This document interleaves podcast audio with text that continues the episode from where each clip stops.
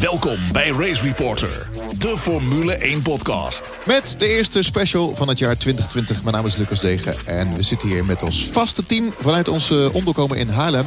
Waar we het vandaag gaan hebben over eenvoudige wereldkampioenen. Of enkelvoudige. Ja, enkelvoudig, ja. Sorry. Eenvoudig, enkelvoudig. Nou, sommige daarvan zijn best wel eenvoudig hoor. Goed. Heren, stel je kort nog even voor. Ja, ik ben eh Charlie Alving, petrolhead. En ik kom uit het eh, Noord-Hollandse Skaren. Ja, ik ben eh, Jeroen Demmendaal, ik ben schrijver. Ehm, ik eh, ben geboren te Rotterdam, eh, maar opgegroeid in Haarlem, dus ook eigenlijk uit Noord-Holland. Ja. En ik ben eh, Jeroen Scholten, racefan. En ik kom uit, eh, ook uit Noord-Holland, geboren in Amsterdam. En ik woon nu in de Zaanstreek. Amsterdammer. Amsterdammer. Mooi man. Zeg, ehm, ik zat dus een, een paar jaar geleden al eh, met eh, het idee om deze special op te nemen. Want ik dacht, joh, dit is best wel leuk. Want ik ken er uit mijn hoofd een paar. Eh, Jacques Villeneuve, Nigel Mansell, Damon Hill, Damon Hill, eh, Kimi Räikkönen, Button, Rosberg. Felipe Massa, 30 seconden. 20. 20. 20. Ja, maar toen gingen we dus graven. En toen eh, kwam Jeroen uh, Scholte op dat er, het zijn er 17 in totaal. 17, ja. 17. Waarvan, waarvan twee Rosbergen. Twee, en Rosberg ook nog. Ja, die Ja. was- die was ik alweer Ja. vergeten. ja. Maar goed, we gaan een aantal eh, enkelvoudige wereldkampioenen doornemen. Namen waar we nog nooit van gehoord hebben. Nou, spreek voor jezelf. eh, nou, nou, nou, meneer nou, Degen. nou, nou, nou. Jij. Waar ik... Ik had wel een paar nieuwe namen die ik voorbij hoorde komen, moet ik eerlijk zeggen hoor. Er zijn in totaal 33 verschillende coureurs ooit wereldkampioen in de Formule 1 geworden. Daarvan zijn er 13 die het slechts één keer werden. Deze 17 enkele kampioenen wonnen samen 203 van alle 218 Grand Prix die er tot nu toe werden verreden. Vandaag gaan we juist over hen praten. We gaan vertellen wie ze waren en hun prestaties onder de loep nemen. Statistieken liegen nooit, maar geven aan de waarheid een eigen kleur mee. De ene titel maakt ze op papier beter dan Montoya, X, Patterson, Berger, Anu of Mos, maar minder dan Fittipaldi, Hakkinen, Ascari of Piquet. Maar waren ze dat ook? Waren het echte eendagsvliegen of waren kampioenen? En maakt het eigenlijk veel uit? Want wie duikt in de geschiedenis van de enkelvoudige kampioenen stuit op prachtige, heroïsche, maar vaak ook tragische verhalen. Want ik, vind, ik moet wel zeggen, ik vind dit juist een mooi, eh, eh, eh, een mooi discussiepunt inderdaad. Weet je, is iemand als Nigel Mansell minder dan Fittipaldi of Hakkinen? En is hij echt beter dan Ronnie Patterson of Jackie X? Ik bedoel, ik vind dat, dat, dat is juist het interessante ja. Want niemand wordt per, bij toeval wereldkampioen. Hè, daar, gaan we het, gaan we het ook al over hebben. Ehm, want al die wereldkampioenen hebben hun eigen verhaal en zijn op een bepaalde manier eh, bij die wereldtitel uitgekomen. Maar zeggen de statistieken alles? Juist dat vind ik zo interessant aan deze kwestie. Oftewel, waren het echte eendagsvliegen of waren kampioenen? Ja, want zo'n zo'n zo'n wereldtitel vertekent natuurlijk een boel. Want het maakt je meteen wereldkampioen. Maar je kan je natuurlijk altijd afvragen of, of een Button echt beter is dan een Jackie X. En of Montoya nou echt zoveel minder was dan eh, Mike Hawthorne of eh, John Surtees. Of Rosberg? Of Rosberg. Dus ja, dat blijft een discussie waar je nooit uit zal komen. En dan hebben we natuurlijk ook nog het, eh, het fenomeen Felipe Massa... die ooit 20 seconden lang wereldkampioen zou zijn geweest. Zou hem dat veel beter hebben gemaakt? Ja, maar het ligt ook aan het seizoen. Hè. Kijk, Nigel Mansell is een paar keer bijna kampioen geworden. Ja. Maar het hangt ook een beetje af van wie, wie, wie waren de concurrenten dat jaar. Ja, maar Ma- Mensel is ook wel een beetje een aparte in dit rijtje. Maar daar komen we later nog wel op, denk ik. Maar ehm, ja, er, er zijn wel een aantal eh, discussiepunten over, denk ik, ja. Ja. Overigens zijn statistieken sowieso heel erg vertekend. Hè? Want we gaan zo meteen beginnen met eh, jongens die in de jaren 50 en 60 wereldkampioen werden. Die reden een handjevol races per jaar om wereldkampioen te worden. Tegenwoordig doen ze er natuurlijk 20, 21, 22. En eh, dus, dus heb je al snel dat je veel meer eh, races wint. Ja, en natuurlijk was het in die periode ook een factor 20 qua ge- levensgevaren. Ik bedoel, de, de kans dat je in die periode niet meer uitstapt aan het einde van de race was natuurlijk veel groter dan wat die nu is. Ehm, maar goed, laten we met het eerste beginnen, eh Charles. Nummer 1. Andere tijden. We gaan helemaal terug naar het allereerste Formule 1 eh, kampioenschap onder de vlag van de FIA. De FIA Formula One World Championship in 1950. Eh, daar hadden we Giuseppe Nino Farina, onze coureur bij Alfa Romeo. Ehm, die was de allereerste wereldkampioen Formule 1. En ook direct de eerste enkelvoudige wereldkampioen, want het hield daarbij op. Hij heeft het nog wel vijf jaar eh, volgehouden in totaal. Onder andere ook bij, bij Ferrari gereden. Ehm, maar goed, we kennen dan wel de meervoudige kampioenen eh Fangio en Ascari. Die kwamen er toen ook aan en eh daar kon je niet meer tegenop. Ehm, ja, ook eentje die inderdaad is eh, overleden, maar niet tijdens de race, maar wel onderweg naar de race. Volgens mij als toeschouwer in 1966. Ehm, en als teamgenoot had hij inderdaad Fangio. Nou, dan heb je meteen een pittige, want dat is wordt voor mij her en der nog steeds als een van de beste ooit genoemd. Farina is meteen zo eentje die die, eh, die die statistieken een beetje verdraait. Want eh, zijn beste jaren lagen eigenlijk een beetje voor de jaren 50. Hij was al 43 toen het WK begon. En toen hij dus ook voor het eerst een, eh, een WK-race won, want dan was meteen de eerste. Maar zoals de overlevering beweert, was het wel echt een hele erg goede coureur. Ontdekt door Tazio Nuvolari, wie ook een beetje zijn mentor was. En ja, wat ik zeg, waarschijnlijk als hij wat later geboren zou zijn, zou hij een wat grotere cv hebben. Maar het geeft ook wel een beetje aan hoe natuurlijk sowieso eh, die periode vrij veel vertekenend was. En bijvoorbeeld toen ook door de Tweede Wereldoorlog was een enorme factor. Als je kijkt naar jongens als Nuvolari, Ja. als eh Caracciola, eh, Rosenmeier. Die allemaal nooit in het wereldkampioenschap Formule 1 uitkwamen. En die eigenlijk gewoon beroofd werden van hun beste jaren. Ehm, ook door die oorlogsjaren. Ehm, en dat is wel, nou ja, dat- hè, statistieken is, zeggen op dat, wat dat betreft niet het hele verhaal. Ja, en dat waren seizoenen dat er bijvoorbeeld eh, in dit seizoen waren er maar zeven races in totaal. Dat is ook niet te vergelijken met de 21 of misschien uiteindelijk dan 20 eh, waar we dit jaar naartoe gaan. Ja, dat vertekent absoluut. De tweede in het rijtje, het lange rijtje wat we hebben. Mike Hawthorne. Ik zeg het waarschijnlijk helemaal verkeerd. Maar dat is eh, kampioen in 1958 geworden voor Ferrari. Dat is wel een, eh, een apart verhaal geweest, die man. Als eh, Ron Howard, die heeft natuurlijk die film gemaakt, Rush. Als hij ooit nog eens een Formule 1 film wil, wil maken... dan zou ik hem adviseren om het levensverhaal van Mike Hawthorne te gaan doen. Eh, echt een, een leven vol met grote sportieve successen. Met feesten, met vrouwen, met veel vreugde en lol.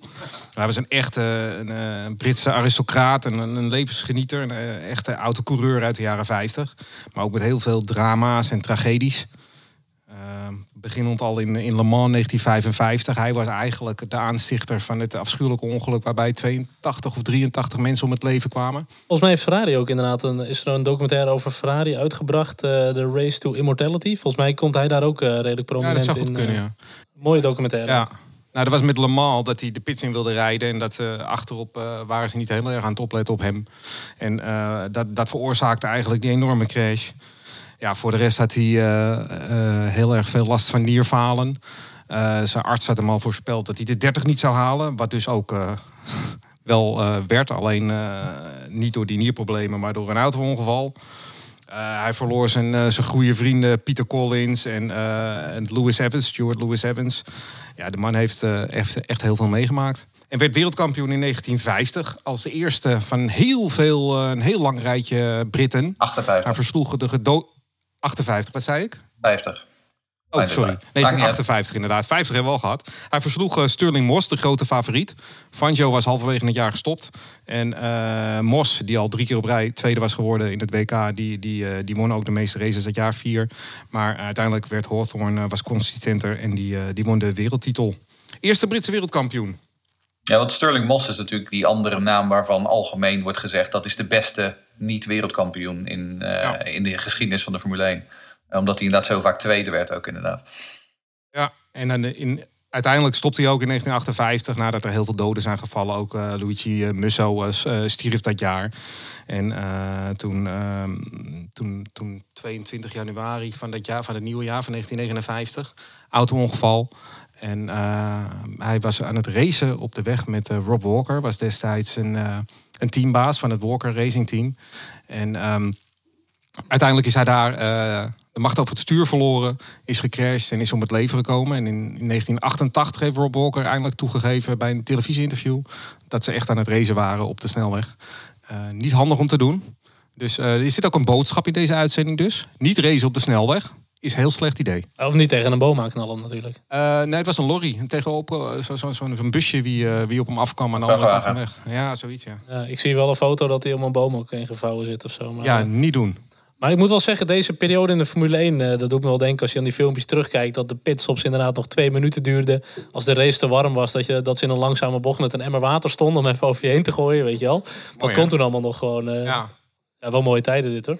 Absoluut hele mooie tijden. En een hele mooie event schijnt het geweest te zijn. Met, eh, met hele mooie, ja, een heel mooi levensverhaal. Wel heel tragisch allemaal. Ik ben ook wel eigenlijk een beetje benieuwd echt naar de karakters van, van toen. Kijk, nu zien we heel veel van de coureurs in de interviews op tv. Een hele hoop ook op social media. Er zijn ook een hele hoop saaie jongens bij. Ik denk dat er in die tijd ook wel echte karakters in de autosport zaten. Die, dat is niet te vergelijken met nu. Sowieso onverschrokken. Vind ik een mooi bruggetje. Heel, eh, heel veel. Heel veel, zei je net. Eh, het derde in ons rijtje. eh Phil Hill. Phil Hill, ja, dan gaan we nu dus naar de jaren 60. Ehm, want Phil Hill die werd in 1961 kampioen voor Ferrari. Ehm, ja, en als we het dan inderdaad wat Charles zegt, als je het dan hebt over periodes waarin het heel anders was. Eh, ik heb hier een, eh, een groot fotoboek liggen van Rainer Schlegelmilch, de eh, legendarische Duitse autosportfotograaf. En dat heet The Golden Age of Formula One. En dat zijn foto's uit de jaren 60. En daar staat ook een foto van Phil Hill in. Maar daar staat ook een foto in van Wolfgang von Trips. En ehm, wie Phil Hill zegt, zegt ook Wolfgang von Trips en zegt Monza 1961. Ehm, want de titel van Phil Hill was er eentje met een hele zwarte rand. ehm, omdat tijdens diezelfde race eh, zijn teamgenoot bij Ferrari, Wolfgang von Trips, om het leven kwam. Eh, ze streden tegen elkaar om de wereldtitel. En von Trips stond op dat moment aan de kop toen ze in Monza aankwamen. Uh, maar Hill had historisch gezien het beter gedaan daar. En, en dacht van ja, ik kan hier wel uh, gaan vechten om die wereldtitel. Um, en in de tweede ronde van de wedstrijd ging het al fout. Toen uh, Jim Clark en Wolfgang van Trips met elkaar in aanraking kwamen. van Trips ging het publiek in. Um, en um, nam 15 mensen met zich mee naar het hiernamaals. Phil Hill had geen idee. Die reed de wedstrijd uit, won de race en werd daarmee wereldkampioen. Maar zoals dat, ja, wat, zo, zo, ging dat in die tijd. Ze gingen gewoon door met de wedstrijd. Uh, Dan Gurney werd tweede. Bruce McLaren werd derde. Onze eigen Karel Godin de Beaufort werd zeven in die wedstrijd. Um, maar goed, Ferrari trok na, het na die race trokken ze het team terug. Uh, omdat allebei de titels op dat moment al binnen waren. Um, en dus kon um, Phil Hill als kerstvers kampioen niet voor eigen publiek rijden... tijdens de laatste wedstrijd op Watkins Glen in Amerika. Hill was een voorloper en, en zeg maar een gelijkgezinde als Jackie Stewart. Uh, was ontzettend gevoelig voor de gevaren van het vak. Uh, zei na die wedstrijd in 61 ook van, weet je, van mij hoeft het eigenlijk niet meer. Hij ging nog wat langer door. Um, kreeg zelfs maagproblemen door de stress die hij had daarover. Um, dat was iets wat constant bij hem terugkwam. Maar ja, aan de andere kant, om te zeggen dat hij eh, de, de, titel gestolen heeft van Wolfgang von Trips gaat ook wat te ver. Want ik bedoel, Phil Hill kon gewoon heel goed rijden. Werd met Ferrari ook drie keer kampioen in Le Mans. Won drie keer Le Mans. Um, dus toch wel gewoon een, een hele uh, um, grote coureur. En een belangrijke man ook voor de Formule 1. Want volgens mij was hij ook een van de mannen die in de jaren 90 uh, een drijvende kracht was achter de terugkeer van de Formule 1 op Indianapolis. Klopt, ja. Daar heeft hij ook een uh, rol in gespeeld, grote rol in gespeeld. Ja, en hij is ook de enige geboren Amerikaan die uh, ooit de wereldtitel Formule 1 won. Oh ja, ja dat klopt. Ja, Andretti niet natuurlijk. Andretti is geboren in Italië, maar daar gaan we het straks wel over hebben. Ja. Race Reporter, de Formule 1 podcast racereporter.nl. De 64 ook kampioen geworden in Ferrari. Ja, dat is natuurlijk wel een absolute held voor mij. Want hij werd niet alleen uh, in de Formule 1 wereldkampioen, maar hij werd ook op twee wielen wereldkampioen. Viervoudig wereldkampioen op de, in de 500cc, de voorloper van de MotoGP voor de jonge luisteraars. En uh, daarmee is hij vijfde op de all-time lijst. Dus het is echt een hele, hele grote meneer in de, in de motorsport. En uh, in 1960 besloot hij over te stappen naar vier wielen. En uh, nou, hij werd al meteen tweede, pakte pole in zijn derde race. Dus hij was echt een, uh, een echte pure racer, een natuurtalent. In 1964 werd hij uh, wereldkampioen na gevecht met Graham Hill en Jim Clark voor aanvang van de slotrace in Mexico. Dat moet een geweldige race zijn geweest, want ze waren alle drie nog uh, kwamen ze in aanmerking om de titel. Jim, Jim Clark die leidde heel lang de wedstrijd. Graham Hill die, die botste al vroeg op Lorenzo Bandini, de teamgenoot van John Surtees. En Clark die, die leek de wedstrijd te gaan winnen, maar die viel in de laatste ronde uit met een olielek. En uh, toen gaf Ferrari toen al een teamorder, uh, maar wel een terechte natuurlijk, om Surtees uh, voorbij te laten. Die, die, gaven ze aan Bandini. En zo werd, werd Surtees wereldkampioen. De enige wereldkampioen in de geschiedenis die zowel op twee als op vier wielen wereldkampioen werd in de allerhoogste raceklasse. Dus ja, dit is ook wel een unieke man eigenlijk. Later begon hij nog een eigen team. Dat is allemaal niet zoveel geworden. Ja, en heel veel later kwam natuurlijk het grote drama met zijn zoon. Wat we allemaal nog wel weten, mm. denk ik. was in 2015 of 16 in Duitsland. Uh, bij zijn zoon door een band op zijn hoofd, meen ik, uh, om het leven kwam. En Sir John zelf is uh, twee jaar geleden overleden. Ja. Was dat niet op Donington eentje die inderdaad die band op zijn hoofd kreeg? Ja, op, Brands Hatch. Voor mij is het Brands Hatch. Het was in, Oh, het was in Engeland. Ja. De Henry Surtees, ja. Ik weet nog dat ik die race live heb gezien. Dat hij inderdaad dat die band op zijn hoofd kreeg. En dat hij inderdaad zo eh, rechtdoor volgens mij ook de bandenstapel inreed. eh, Extreem tragisch. Vooral uh, als je nagaat dat uh, zelf natuurlijk echt inderdaad ook in de gevaarlijke tijd nog heeft gereden. En dat is echt een mega legende in de wereld van de motorsport. Ach, absoluut. En dat, dat in een tijdperk dat het vele malen veiliger is dat dan je zoon uh, daarin omkomt. Dat is best wel heftig. Zijn er, voor zover jij weet trouwens, Jeroen, nog andere uh, MotoGP-coureurs of 500cc-coureurs die zoiets uh, ondernomen hebben? Ik weet dat Max Biaggi ooit een keer een testrit reed. En Eddie Lawson, die heeft ooit nog een seizoen in de IndyCars gereden in de jaren 90. Maar verder kan, ja, schiet mij eigenlijk niks te binnen. Uh, ja, mij wel, maar ik ben zijn naam even kwijt. Het meest recente qua nee, test is nou? natuurlijk Valentino Rossi, die uh, met Mercedes ging testen, hebben in de Ferrari getest. Die heeft wel serieus geflirt met de Formule 1, maar het is er helaas nooit van gekomen. Ja, maar dat waren, dat waren tests, weet ja. je wel, die je met, met een beetje goede wil nee, uh, nog weg kunt zetten als iets meer dan een, dan een promotiestunt. Ja. Maar ik bedoel echt dit, dat je gewoon die hele overstap maakt. Ik kan me dat niet herinneren. Ja, die is er wel geweest, maar ik ben zijn naam even kwijt. Ik zit hem even heel snel op te zoeken. Van twee wielen naar vier wielen of andersom, dat is We wel hebben hem gehad, maar die werd geen wel wereldkampioen in MotoGP, maar dan weer niet. Mike Halewood. Mike Halewood. Mike, Mike de Bike. Drievoudig wereldkampioen op de MotoGP. ja. En uh, werd het helaas niet in de Formule 1. Mike de Bike, hoe kon ik hem vergeten? mm. Kale man, kwam om het leven met zijn dochtertje in een auto-ongeval. Dat weet ik ook nog wel. Oh, wat erg. Ja, ook weer. Het is allemaal een en al grote dramatiek in die jaren geweest. Ja. ja ik ben heel blij dat ik toen niet geboren ben. Nee. Voor mij ook, ik las ook een stuk inderdaad dat het ook op de circuits was het ook niet te vergelijken met nu. Nee, absoluut. Je kon natuurlijk overal gaan en staan waar je wilde. Geen veiligheidshekken. Um, de Colin, Colin McRae heeft het ook uh, gehad, hè? Zijn dochter uh, crash ja. helikopter. Inderdaad, ja. Hij zelf toch ook? Ja, ja. Dat is zijn dochter volgens mij. Ja, heftig. En David Coulthard een keer een crash met vliegtuig, maar heeft hij overleefd. Dus overleefd piloot inderdaad. niet. Ja, klopt. Goed. Danny Hulme, de wereldkampioen van uh, 1967. Uit Nieuw-Zeeland. ook inderdaad vader de Tweede Wereldoorlog hopen meegemaakt. En in navolging van, um, ja, in navolging van Jack Brabham en Bruce McLaren, die natuurlijk ook uit die kontrijen kwamen, Australië en Nieuw-Zeeland, is hij uiteindelijk ook naar Europa gegaan om te racen. Um, en uiteindelijk is hij bij Brabham gekomen um, en het team van Brabham zelf en daar kampioen geworden. Um, niet de snelste dat seizoen, maar wel de meest betrouwbare. En um, er was wel wat tumult van wat ik las, dat hij eigenlijk misschien niet eens de terechte wereldkampioen zou zijn, omdat hij gewoon niet de snelste was dat seizoen. Uh, alleen Jim Clark, dat was dan weer de echte Brit die hem ook op het podium trok. En uh, dat ze de, de, de, de kransen deelden, zeg maar, uh, voor de overwinning. Ja, hij gaat toch de geschiedenisboeken in als de kampioen. En hij bleef eigenlijk zijn teamgenoot en teameigenaar bleef hij net aan voor. Ja, maar een enorme vent ook. Hè? Als je hem zag, zeg maar. Ja. Het was echt een beer, daarom noemden ze hem ook de beer uit Nieuw-Zeeland. Dat het echt een beer van een vent was. Uh, ik zag toevallig in die andere tijden, een paar weken terug over uh, Zandvoort, hadden ze nog een, uh, een, een, shot van hem waarbij hij ge geïnterviewd werd op het strand in Zandvoort. Met zijn, met zijn McLaren. Um, en met die enorme bakkenbaarden van hem. Mooi, mooi vet. Ah, tof. Ik had hem niet zo herkend, maar ik zag wel die auto op het strand staan. Ik dacht, ah. dat kan niet goed zijn voor je auto bij dat Oude zout. bakkenbaarden. Ja. Hij was een grote vriend van Bruce McLaren ook. Hè. Reden namen, samen in die Pan Am-series. Ja. Uh, in, in, daar had hij veel succes, geloof ik. Ja. Oh, Can-Am, ja. ja. was het, ja. Ja, Pan Am was is dus een ook... luchtvaartmaatschappij.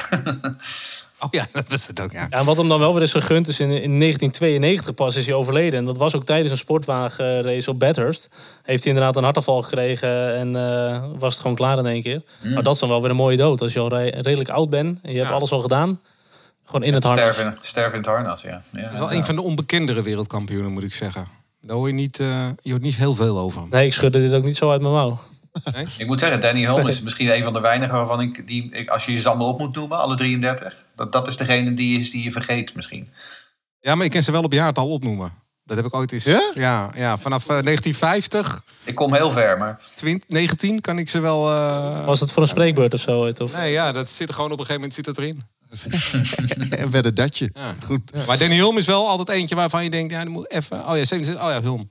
Ja. ja. En dat was ook gewoon een tijd dat je gewoon als team-eigenaar ook gewoon uh, zelf in je, in je auto kon gaan zitten. Of andersom, dat je als coureur gewoon een raceteam begon. Dat, zie je, dat zijn dingen die zie je nu ook niet zomaar meer. Tenminste, ik zie Claire Williams niet in die auto stappen zomaar. Uh, Jacques Villeneuve heeft het natuurlijk nog een keer geprobeerd. Maar daar gaan we het straks ook nog wel even over hebben. Ja. Uh, dat is waarschijnlijk de laatste. We gaan even naar Oostenrijk. Een naam die ik wel ken. Jochem Rient. Ja, en het interessante is inderdaad, Jochen Riet die race als Oostenrijker, uh, maar werd eigenlijk geboren in Duitsland, in Mainz. Um, het enige is dat um, uh, hij werd geboren tijdens de Tweede Wereldoorlog en verloor als eenjarige allebei zijn ouders in een bombardement. En groeide daarna op bij zijn grootouders in Graz. En Jochen Rindt werd in 1970, dat is dus de claim to fame van Jochen Rindt, hij is de enige postume wereldkampioen. Uh, nadat hij in 1970 het hele seizoen domineerde in zijn Lotus 72. Dit is een beetje een rode draad door uh, deze aflevering, denk ik. Monza, want heel veel jongens hebben hun uh, leven verloren op Monza. Jochen Rindt was, daar, was er daar ook een van. Dat was weer een slachtoffer van de in die tijd toch nog wel redelijk magere veiligheidsvoorzieningen. Goed, het was toen al denk ik de Temple of Speed. En met die banking die ze toen hadden en zo, die snelheden lagen denk ik gigantisch hoog daar zo. Nou ja, die was er in die tijd. Want de, de, de wedstrijd waar we het eerder over hadden met Phil Hill... dat was de laatste op die oude baan met die banking. Okay, uh, de, ja. In deze tijd reden ze al wel op de, de huidige configuratie... maar dan zonder alle chicanes erin. Dus ja, het ging nog steeds wel heel erg hard hoor. En ja, was hij die dag niet gestorven... dan is het zeer aannemelijk dat hij een meervoudig wereldkampioen zou zijn geworden. Uh, want dit was absoluut zonder twijfel een enorm talent. Lotus was in die jaren natuurlijk een dominante factor... Um, dus hij was zonder twijfel een van de grootste sterren van zijn generatie. Um, en ook net als Stewart heel erg uh, begaan met het verbeteren van de veiligheid. Uh, dat was mede ingegeven door de dood van zijn jeugdheld. Dat was Wolfgang von Trips. Maar ook uh, Bruce McLaren, Pierce Courage, die eerder in 1970 ook hun leven verloren. Jij zegt, jij zegt Lotus. En daar kwam ook de, de beroemde uitspraak van Jackie Stewart van. Hè? Van als je wereldkampioen wil worden, moet je naar Lotus gaan. Als je ja. wil leven, moet je er niet naartoe gaan. En dat zei hij inderdaad tegen Jochen Rindt. Die ja. inderdaad wereldkampioen werd en zijn leven verloor. Ja, dus het wel. en in de jaren daarna werd Stewart kampioen bij Tyrrell. Inderdaad. Dus dat ja. uh, kun je maar net ja, zien. het jaar daarvoor ook, hè? Maar Ja. inderdaad. Um, hoe dan ook, Jochen Rindt was wel een uh, ontvlambare persoonlijkheid volgens iedereen die hem, uh, die hem kende. Um, buiten de baan en regelmatig een wilde chauffeur. Um, er, er gaat een verhaal dat hij ooit een keer een demonstratie aan het doen was. En had hij zijn zwangere vrouw uh, over, overtuigd om naast hem te gaan zitten. En vervolgens sloegen ze met een kleine mini drie keer over de kop. Dat, nou ja, hè, dat kon toen nog, schijnbaar. Um, hij reed ook als tiener 18 maanden zonder rijbewijs rond in Oostenrijk. Um, en um, hij leeft voor, nog steeds voort in de, in de Red Bull ring, waar de ene laatste bocht nog steeds zijn naam draagt. Op het circuit dat ook mede dankzij zijn populariteit destijds het levenslicht zag. Um, ja, Jochen Rindt was echt iemand die veel te vroeg, veel te vroeg vertrok. Uh, slechts 28 jaar oud. Ja, weer zo'n tragisch verhaal uit die jaren. Ja, inderdaad. We hadden het net al over het, het rock and roll leven van uh, de coureur. Ja. En uh, ik moest meteen aan iemand denken. James Hunt. James precies, Hunt? James Ja. Hunt, verfilmd in eh, Rush. Als iemand een echte playboy in de Formule 1 was, dan was het wel, eh, wel James Hunt. Als ik ook inderdaad wel eens die foto's terugzie met al die blote vrouwen op zijn auto, weet ik het wat. Biertje, roken. peukie. Peukje, weet je, gewoon in de paddock, in de pitlane. Ook dat kon toen allemaal nog gewoon. Prachtige helm. Eh, Kimi Räik- Räikkönen heeft ooit zijn helm nog... eh, Volgens mij mocht Ja. hij die toen niet inzetten ook. In, was dat in Monaco heeft Kimmy die volgens mij ooit... eh, Die heeft hij al opgehad. Er was wel een eh, kenmerkende helm. Dat is wat, iets wat je nu ook nog wel eens mist. Die zwarte helm met die eh, rood-blauwe gele streep langs de zijkant. En dan heel groot James Hunt. Ja, wel vrij herkenbaar. Ja, ik, ik, ik hou wel van dit soort figuren in de Formule 1. Ik vind dat echt fantastisch. Ehm, ik heb inderdaad even ingelezen over Lord Hesketh. Waarbij Ja. hij eh, debuteerde. En dat was ook een beetje het team. eh, dat was ook het feestteam. Misschien een beetje vergelijkbaar met Red Bull nu. Alleen dan eh, geen Red Bull, maar champagne. Is extremer, denk ik. Misschien nog wel iets extremer. Maar dat, ook maar. dat kon toen gewoon. Eerste race, wonnen ze op. Zandvoort. Ja. Ja, dat, is dan wel weer gaaf. Ze waren, ook ze waren ook gebaseerd in eh, hun basis was ook een enorm eh, landhuis van die Lord Hesketh, geloof ik. En dan hadden ze de garage Ja. van het team, was eh, een van de stallen waar die de, vroeger zijn paarden had of zo. Het was een, een waanzinnig verhaal, dat, dat team. En gewoon een gast met, met te veel geld. Ja, je vertelde net al met de film Rush. Inderdaad ook een beetje het verhaal van eh, Lauda versus Hunt. Ja, eigenlijk kennen we dat verhaal allemaal natuurlijk wel met Hunt die halverwege het seizoen zwaar crashte en eh, eh, bijna volledig verbrandde. En eh, uiteindelijk toch miraculeus weer de comeback maakte gedurende het seizoen. Maar goed, zijn voorstand of zijn, zijn voorsprong in het kampioenschap was wel wat geslonken. En Hunt die zat al vrij dichtbij. Ja, en toen was het natuurlijk de race in Japan, waar uiteindelijk de tweede ronde Nicky Lauda zei: Jongens, dit gaan we niet meer doen. Dit is gewoon te gevaarlijk en ik ga mijn leven hier niet op het spel zetten. regen. Ja, gewoon echt de totale chaos regen gewoon. En uiteindelijk Hunt die eh, toch volgens mij nog een lekker band kreeg. De pits in moest en eh, als vijfde weer de baan op kwam. Ja, en uiteindelijk toch nog eh, met 2-1 al acties derde geworden. En met één punt verschil wereldkampioen. Dan moet ik zeggen dat ik hem dan ook, dat ook wel gun. Want ik vind het wel een jongen dat is wel fantastisch dat zo'n iemand gewoon wereldkampioen wordt. Misschien kan je hem zelfs een beetje vergelijken met de hedendaagse Kimi Räikkönen. Gewoon, Ja, dat was wel wat, wat wilder natuurlijk. En goed, je moet het wel vertalen naar de hedendaagse. Ja. Hij was een soort George Best wat dat betreft. De, weet je, de oude voetballer van Ja. Manchester United. Die ook weet je, alleen maar aan het, aan het roken en aan het zuipen en aan het womanizen was buiten. En eigenlijk gewoon bijna zijn talent een beetje aan het vergooien was. Maar ondanks, omdat hij zoveel talent had, toch nog gewoon succes haalde. Dat was met James Hunt natuurlijk ook zo. Ehm, en later natuurlijk na zijn carrière, ehm, zijn actieve carrière, werd hij eh, jarenlang was hij de co-commentator van Murray Walker op de BBC. Ook wel echt een fantastische commentator, Murray Walker.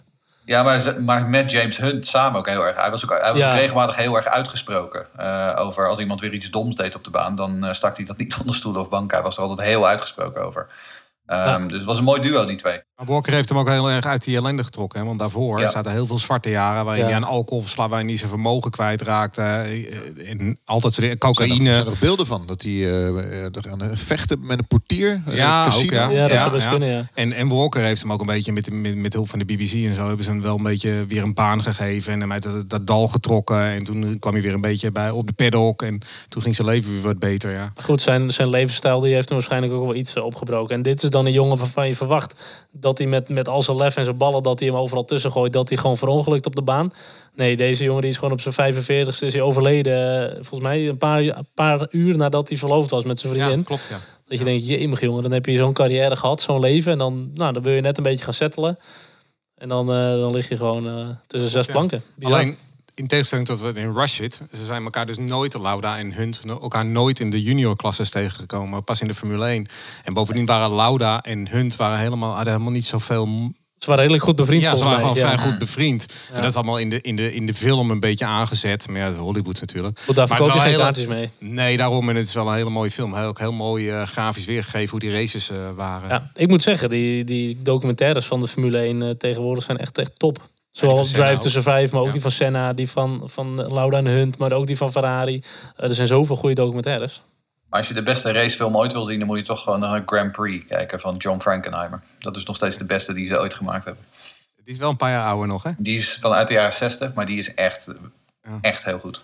Charles en ik kijken elkaar aan. we, hebben, wij hebben hem niet gezien. Nee, van mij heb ik het niet gezien. Ga, moet je zeker gaan Nee, zien. maar, Kijk, zeker en als je dat toch hebt, die, die IndyCar film van Stallone, heb je die wel eens gezien?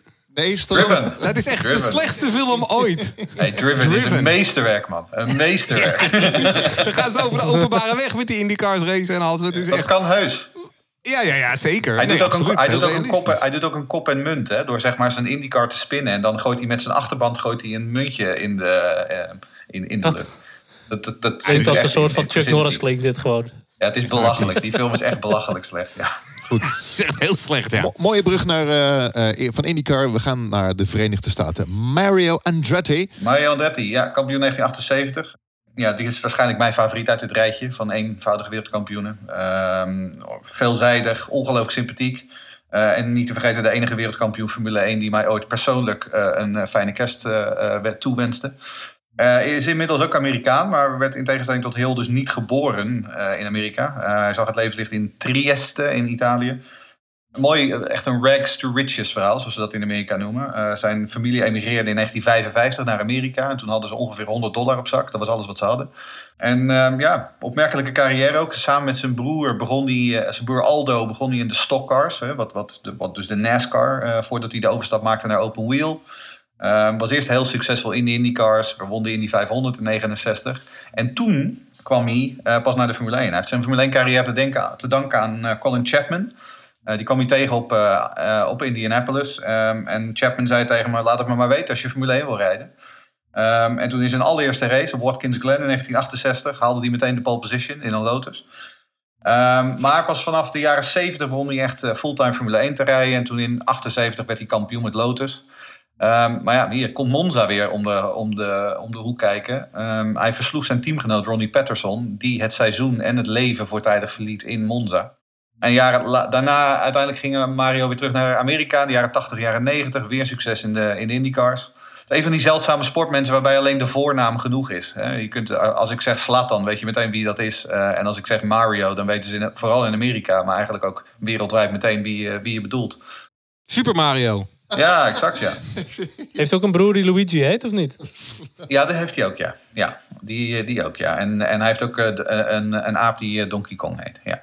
Maar goed, het is levende legende. Ehm, bijna 80. eh, rijdt nog steeds de two-seater in Amerika. Ehm, En ehm, ja, je hebt die geweldige, wat ik nog steeds een heerlijke anekdote vind, is zeg maar dat hij ooit een keer halt gehouden werd door een, uh, een agent wegens te snel rijden. En toen vroeg die agent aan hem van, who do you think you are? Mario Andretti. Um, en toen bleek het dus Mario Andretti te zijn. um, En toen, vervolgens, nou, toen mocht hij verder rijden zonder een boete te krijgen. Er zijn ook echt bijzonder veel uh, wijsheden en quotes van die man. Gewoon. Die hebben echt uh, wel mooi inzicht volgens mij. Want ik ben regelmatig wel met die quote van de week bezig. En ik zie er zoveel van hem die uh, gewoon waardig zijn om te delen. Ja, every, hij heeft die mooie als je op, als je op Indianapolis rijdt. Um, if, if you feel comfortable, you're not going fast enough. wat, een, wat, een, wat een hele mooie is. Onder andere, ja.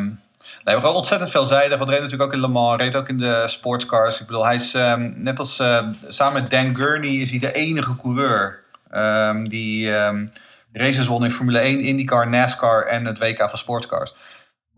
ik bedoel, dat geeft aan hoe veelzijdig die man was. en nog steeds, ik bedoel, hij is nog steeds going strong. dus ja, echt een persoonlijke favoriet. Zou je dat op zo bijvoorbeeld met de Fernando Alonso een beetje kunnen vergelijken? Dat hij ook zo veelzijdig ja, was? Ja, zeker wel. Ja, absoluut. Zelfde, zelfde mindset. Ik, ik hou ja. er wel van. Uh, ja, ik hou er wel van als coureurs niet alleen blind staan op de Formule 1, maar ook het hele spectrum van de autosport gewoon meenemen. Ik, uh, ik vind het wel mooi altijd. Binnen meerdere klassen ja, maar hij had even MotoGP nog even moeten doen. Ja. ja, maar ik denk dat hij daar iets te fors voor was. Ik, toen was hij ook al niet de dunste, nee, denk ik. Ja. ja, maar hij is wel heel ja, klein. Het is wel een klein mannetje, ja. Het, de, de, de, de, wat mist op zijn, op zijn cv is Le Mans, hè? Want dan, dan had hij de Triple Crown gehad. Maar hij is wel de enige die ooit ja. die, uh, die de Formule 1 uh, in die 500 en uh, de Daytona 500 gewonnen heeft, bijvoorbeeld. Dus hij heeft een heleboel van dat soort, dat soort records en, en, en statistiek op zijn naam staan. Dus ja. Hij heeft Le Mans wel gedaan, toch? Hij heeft Le Mans wel gedaan, maar hij heeft hem, hij heeft hem wel gedaan. Ja, hij, is, hij, is, ja. hij werd tweede in de midden van de jaren 90, maar toen zat hij in de, wat is het, de, de, tweede, de, de, de tweede klasse. Dus niet de LMP1, maar de LMP2. Ja, LMP2. Um, ja. Dus hij heeft hem wel een aantal keer gereden, maar nooit overall gewonnen. Misschien als hij, als hij één rondje rijdt dit jaar en wint. De laatste ronde, ja. Race Reporter. De Formule 1 podcast.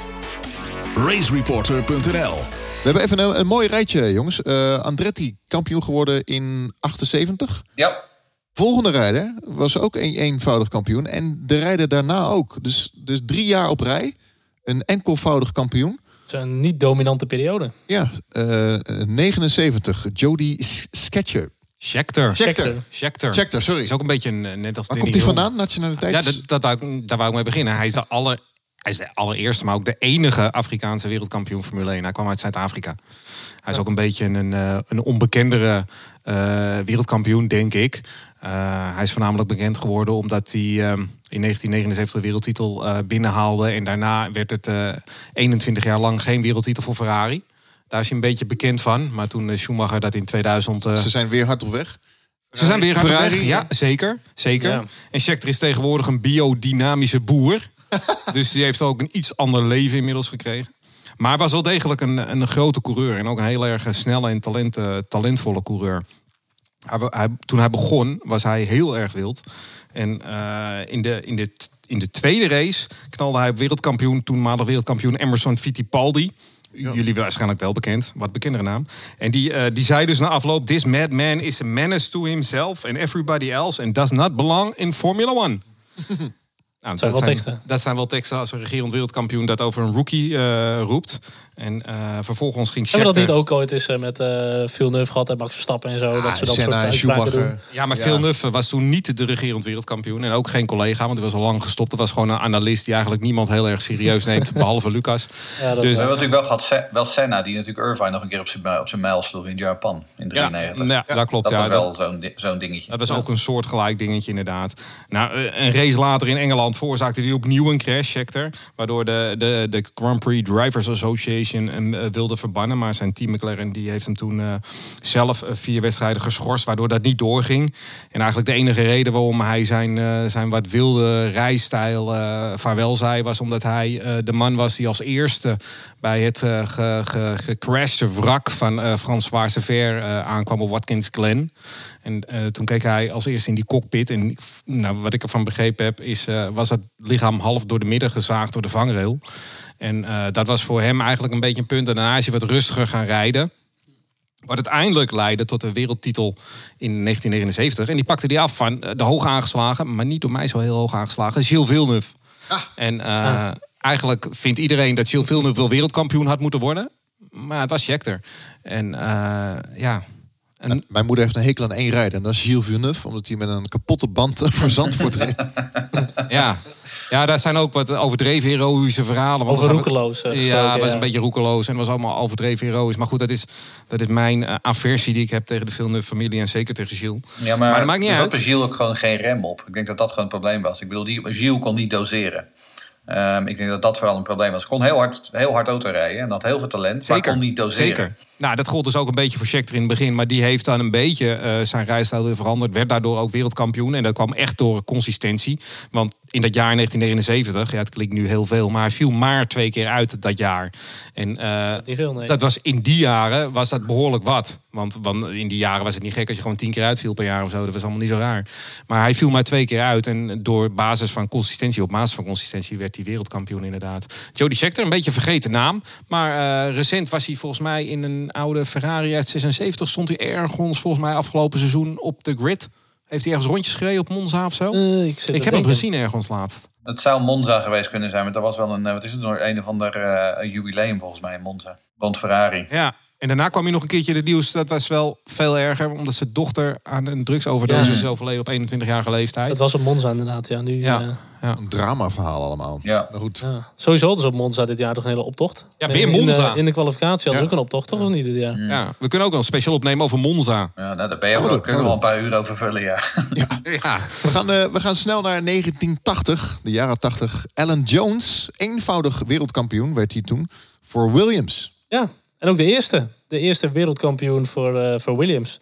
Ook eentje jong uit Australië. eh, die ook, eh, net als Sir Jack Brabham, de, is hij de tweede Australische wereldkampioen.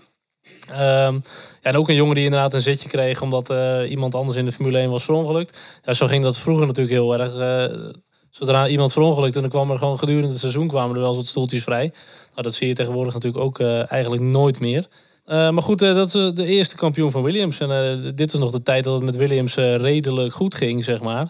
Teamgenoot Carlos Reutemann. Nou, ook zal ook niet een mega onbekende naam zijn, denk ik, in de wereld van de Formule 1. Eh, hij heeft redelijk wat teams gehad uiteindelijk ook. Met Hesketh, Hill, Surtees, Shadow, Williams, Arrows en Haas Lola. In totaal 12 overwinningen. Ah, die Haas Lola, ja, dat was in 85 of 86 of zo. Ja, is een beetje Ja, lang Met die, eh, met die, met die Beatrice eh, Lola, weet ik nog. Dat was een heel, hele Ja, mooie dat livery rode, was dat. dat ja. rood-blauw, Ja. Die rood-blauwe livery. Die was best De mooi. allermooiste auto waarin die, waar, waarin hij gereden heeft, vond ik die, die Williams waar die wereldkampioen werd. Dat vond ik echt een prachtig ding met dat Saudi eh, geval Ja, erop. dat, is- dat was die geel, of die, eh, die, die wit met groen, met zeg groen, maar. ja. die blauwe details ja. en zo.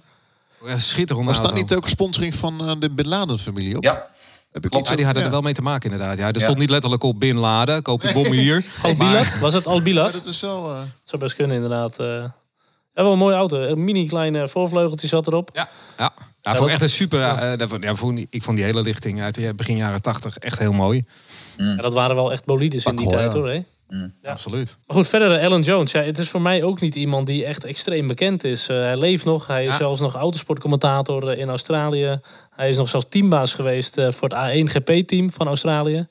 Ehm, maar verder eh, doesn't really ring a bell. Ja, buiten, Brabham, de enige Australische wereldkampioen. Ja. Dus, eh, Mocht je er meer interesse in hebben, hij zat laatst nog in de podcast van Formule 1 zelf, Beyond the Grid. Race Reporter.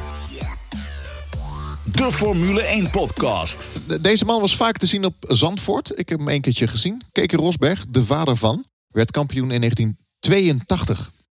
Dit is nummer twee in mijn lijstje met favorieten. Ehm, omdat Cake is ehm, ja, een, een cultureel icoon. Een van de echte badasses uit de Formule 1-historie. had een enorme snor, eh, eh, was een kettingroker. eh, eh, net als James Hunt, af en toe een biertje erbij en een, en een peukje erbij eh, tijdens het raceweekend. Ehm vergelijk dat dus met zijn zoon, maar goed, dat komt zo meteen nog wel. Ah, die, die snor alleen al. Ja, die snor alleen al, echt killer. killer snor- die killer Als snor. hij het, het, als hij het, het met Mensel gaat, dan wint hij nog wel qua snor. Maar deze vind ik ook wel, eh, wel tof. Nou, daar wil ik het Nou. nog wel een keer over hebben, maar goed. Ja. Ehm, hoe dan ook. Keke Rosberg, uiteraard een Fin, maar ehm, geboren hier in Zweden, in Stockholm, jawel. Ehm, en die maakte zijn Formule 1 debuut pas op zijn 29ste. Ehm, en die leek aanvankelijk veroordeeld tot een bestaan in de achterhoede. Eh, tussen 78 en 81 reed hij voor Theodore, ATS, Wolf en Fittipaldi. Nou ja, dan heb je het van ja, eh, Emerson Fittipaldi had ook ooit zijn eigen team. Uh, dus dat is allemaal achterhoedewerk. Maar de voorgenoemde Alan Jones, eind 1981, die vertrok bij Williams. En dus haalde Frank Williams en Patrick Head uh, keken Rosberg naar Williams toe. Um, en ze waren in 1982 het toonbeeld van consistentie. Uh, net als Hawthorne en Ferrari in 1958 wonnen ze maar één race. Maar ze werden toch kampioen doordat anderen die consistentie misten. Um, met name Ferrari, hè, Gilles Villeneuve en DJ Pironi. Um, die verdwenen allebei van het toneel in 1982. Uh, Villeneuve stierf in Zolder. Uh, Pironi reed nooit meer een race na een crash in Hockenheim. Um, maar ja, memorabele momenten zijn er zat uh, rond uh, Keke Rosberg. Monaco 1983. Opdrogende baan. en in een verouderde, turboloze Williams Cosworth liet hij alles en iedereen achter zich. Zoek hem maar op op YouTube. Je kunt die beelden nog steeds vinden. Uh, en, met name de beelden van, van Rosberg die al powersterend zijn Williams door Massenet gooit. Uh, bovenaan de heuvel vlak voor het casino. Um, echt, dat is nog steeds een van de redenen dat Massenet van mijn favoriete bocht is. Uh, Gerrit Berger deed dat ook ooit nog eens daar. Um, dan moeten we uiteraard moeten het ook over Dallas 1984 hebben. Um, even voor de context. Dallas, daar hadden ze in de bloedhitte van Texas... op een onogelijk uit elkaar vallende baan rond de parkeerplaats... hadden ze een Grand Prix georganiseerd. Uh, totaal waanzinnige race. Het uh, was in de midden van in de zomer, dus in Texas, in de zomer. Temperatuur lag boven de 40 graden. En iedereen die viel bijna, uh, die viel bijna als vliegen om vanwege de warmte. En toen dacht Keken, weet je wat ik ga doen? Ik ga mijn balaclava in ijskoud water onderdompelen. En dan zet ik hem op mijn hoofd en dan zet ik mijn helm op. Um, en dus won Keken, geloof ik met 30 seconden voorsprong, won hij die wedstrijd. Terwijl de rest van Nigel Mansell viel letterlijk flauw na de finish daar. Maar die, viel, die viel vaker flauw. Ja, maar die moest ook zijn auto over de du duwen... omdat hij uh, buiten uh, zonder benzine was komen te staan. Um, er is een pole lap op Silverstone, 1985. was toen de snelste ronde ooit. Um, 160 mijl per uur gemiddeld. Um, hij maakte ooit nog eens op, op volle snelheid in Canada een volledige 360 en reed vervolgens meteen door. Ook dat kun je op YouTube vinden. Geweldig fragment. Mijn eigen live herinnering keek Rosberg hebben vooral te maken met de DTM-jaren, de vroege jaren 90. Toen reed hij in, een, uh, in de Opel Calibra V6. Um, ook dat kun je allemaal op YouTube vinden. Het ziet er prachtig uit. Uh, en daarna werd hij commentator in de Duitse TV-uitzendingen. Uh, Keke Rosberg, ik kan blijven praten over die man, maar echt een hele, echt, echt een cultureel icoon. Ja, maar hij was niet zo heel erg goed. Nou. Ik gooi even gewoon meteen de knuppel, gooi meteen hop in het hoenderhok. Nou, als we het nou hebben over iemand die niet kon doseren, dan was Keke Rosberg er ook wel eentje inderdaad. Ja, maar ik bedoel, spectaculair. Um, ik, ik, ik, je, bent op zoek, je bent op zoek naar personages, naar um, hè, mensen die, uh, en mannen die zeg maar eruit springen. Was hij. Uh, en dan gaan we het later nog over zijn zoon hebben. En dat was natuurlijk volledig het andere. ik, zoon Britney. Zoon Britney, zijn ja. dochter. Het zijn gewoon niet altijd de beste coureurs die wereldkampioen worden. En ik denk dat dat voor beide Rosbergen het geval wel is. Ja, maar toch, aan de andere kant, je moet er ook maar wel weer staan daar. Uh, en wat ik zeg, hè, je ziet ja. dan inderdaad dat zo'n Villeneuve, zo'n Pironi, zeg maar, die, die wonnen of, of, of ze, ze, ze reden elkaar van de baan af. Gewoon door uh, Rosberg werd, werd, rustig derde, vierde, tweede en won één keer een race. En werd uiteindelijk gewoon netjes kampioen. En hij staat wel gewoon in de geschiedenisboeken. Ja. Dus ja, dat was Keke. De Formule 1 podcast. Race Reporter. Keke Rosberg, kampioen in 82 voor Williams. De grap is dat we precies tien jaar later weer een uh, enkelvoudig uh, eenmalig kampioen hebben. En we zitten nu in een rijtje van vijf eenmalig kampioens die allemaal bij Williams hebben gereden. Ik heb het over mijn grote idool Nigel Mansell. En ook mijn idool. Ja? Want het is natuurlijk een, een, een, een, foutje van de geschiedenis geweest dat hij maar één wereldtitel won. Absoluut. Uh, ik denk aan Adelaide Klaband. Adelaide Klaband. En uh, een jaar later uh, in 1987 op Suzuka vrij training, foutje. Armpje gebroken geloof ik, of een andere blessure in ieder geval opgelopen. En dan kon hij rijden. En Piquet ja. werd wereldkampioen. Piquet, die die zo leuk vond, ja. zeg maar. Nee ja, Nigel Mansell, als je het hebt over karakters en kleurrijke figuren... was Nigel er absoluut één. Maar uh, om mee te beginnen zou ik wel willen zeggen dat hij enorm veel talent had. Hij was echt absoluut in aanleg een van ja. de beste coureurs die we ooit hebben gezien. Als hij in vorm was en als het zijn dag was, dan was hij razendsnel. Ah, maar, over sliden in een bocht gesproken. Ja, ja, goed. Ik, ik, ik Google eventjes en, en ga er even intikken. Berger en uh, Mensel in, uh, uh, op San Marino. Dat hij hem buitenlangs in wil halen. Eventjes langs de kant komt. En volledig 360. En dan gaat gewoon weer door. echt, die man heeft zoveel prachtige momenten gehad. Maar de andere kant is van Menzel. Hij heeft ook heel veel rare momenten gehad. En dat begon al meteen in het begin. was ook toevallig de allereerste Grand Prix die ik ooit gezien heb. Ik kan me het moment trouwens niet echt meer herinneren hoor. Maar uh, Grand Prix van Monaco 1984. Toen uh, haalde Prost in om de leiding. En toen kwam hij een beetje op het wit. En dat was erg glad in de regen. En toen kleunde hij eraf. En toen uh, schoot hij in de vangrail. En Lotus teambaas Pieter War was toen zo verschrikkelijk kwaad op Menzel. Ze hadden sowieso een, een haat-liefde verhouding, maar dan zonder de liefde. En toen zei hij, Menzel will never win a race as long as I have a hole in my arse. nou op zich wel een hele mooie uitspraak. Maar klopt er niet. 31 zegens. En ja, als je daar alleen al naar kijkt, naar 31 zegens. Dan staat hij 700 nog steeds op de all-time lijst. En maar één wereldtiteltje. Ja. Dat, dat gaat een beetje mank. Dus ik vind dit echt een foutje in de geschiedenis. Eigenlijk uh, zou die wereldtitel van 86 met terugwerkende kracht toch naar hem toe moeten. En, en, en wat vond jij het mooiste jaar? Want als we heel eerlijk zijn, hij had 92 wel de beste, beste Formule 1 auto ja, ooit. Ja, maar dat, dat, was gewoon even, die hoorde eventjes. Adrian Newey heeft hem dat cadeau gedaan, want hij anders nooit wereldkampioen zou zijn geworden. En uh, hij is natuurlijk ook nog uh, de, de, enige man ooit geweest die zowel wereldkampioen Formule 1 als IndyCar kampioen was. Want ja voordat hij ontroond werd uh, in de Formule 1, was hij nog steeds, of werd hij al wereldkampioen in de IndyCars. Maar uh, het mooiste vond ik uh, op Silverstone. Uh, toen hij met Nelson Piquet vocht om de zee. Gaat een grote voorsprong, maar moest naar binnen omdat hij een langzaam leeglopende band had. En raakte ver achterop. En ronde na ronde zag je dat gaat kleiner worden. En uh, toen maakte hij een schijnbeweging naar rechts. En ging snel aan de linkerkant langs. Was zo fantastisch. En ik zat als jochie voor de buis te juichen. Want ik had net als, als Mensel zelf een enorme hekel aan Piquet. Vond ik echt een vreselijke lul nog steeds. Vind ik dat een vreselijke lul. Maar uh, ja, het was gewoon een heel mooie man, een heel groot karakter, weet je. Jeroen zei het net al, weet je. Hij duwde zijn auto over de finish en viel toen flauw. Heel theatraal natuurlijk, ook allemaal een oh, beetje wel. Hij is zo vaak flauw gevallen. ja, in, Canada, dat hij juichon zat. en toen schijnt hij per ongeluk op een knopje te hebben gedrukt. Ik weet niet of dat waar is, maar dat is de overlevering. Waardoor zijn auto stilviel. En Piquet uitgerekend, Nelson Piquet, die won toen. Hij heeft zoveel van dat soort momenten gehad. Zwarte vlag heeft hij gehad. Die kreeg hij overigens omdat hij voorbij zijn eigen pitcrew reed. Toen, uh, nee, dat was niet op Silverstone. Was volgens mij Spanje, dacht ik. En toen reed hij voorbij zijn eigen pitcrew. Dat is wel meer coureurs gebeurd. Maar hij zette hem in zijn achteruit. Reed achteruit door de pitstraat terug naar zijn eigen. Daar kreeg hij de zwarte vlag van. Maar die negeerde die. En haalde uh, Senna in. En roste Senna van de baan af. Die op dat moment aan de leiding reed in de wedstrijd. Dat was Nigel Mansell gewoon. Briljante momenten. En momenten momenten dat je denkt, jeetje, Mina, Toch wat doe je nou man? ziet hij er echt uit als zo'n klassieke Brit, maar ook totaal, het ziet er niet fit uit of zo. Je denkt niet, dat is echt een topcoureur. Dat is een beetje bonkig, hè? En ja. McLaren, hè? Daar paste hij niet in op het eind. Ik denk dat hij hem ook wel een beetje een van de laatste is van die generatie. Want toen kwamen natuurlijk wel de, de, de Senna's, de Schumachers en zo, die allemaal vele malen fitter waren, veel getrainder, veel meer gefocust, gewoon echt dedicated coureurs. En dit is gewoon nog eentje die gewoon kon instappen en die was gewoon snel. Ja, want, want, want vergis je niet, want hij heeft heel veel van die momenten als ik zo opnoem, dan denk je, nou wat een, wat een idioot was dat. Maar die man was echt verschrikkelijk goed. Hij was echt heel erg snel. En uh, ja, dat, dat blijkt ook wel. 31, uh, en, uh, 31 zegens en 32 pole positions. Dan sta je in beide gevallen sta je zevende op de all-time lijst. En heb je maar één titeltje. Ja, dat, dat is gewoon een beetje scheef. En hij had niet het voordeel zoals Rosberg had bijvoorbeeld. Rosberg met 23 zegens ook nog wel aardig wat. Maar ja, die heeft natuurlijk in die Mercedes ook kunnen rijden drie jaar op één. En dat heeft mensen allemaal niet gehad. Nou ja, maar dat was natuurlijk ook, ik bedoel, in 89 naar Ferrari gaan. Ik bedoel, het is hetzelfde als wat, wat Prost een jaar later deed, zeg maar. Weet je, was dat nou echt de juiste keuze? Of uh, Jean Alesi, die natuurlijk van Tyrrell vervolgens uh, besloot... kon ik naar Williams of ga ik naar Ferrari? En toen ging hij toch naar Ferrari. Nou ja, we weten allemaal hoe dat afgelopen is.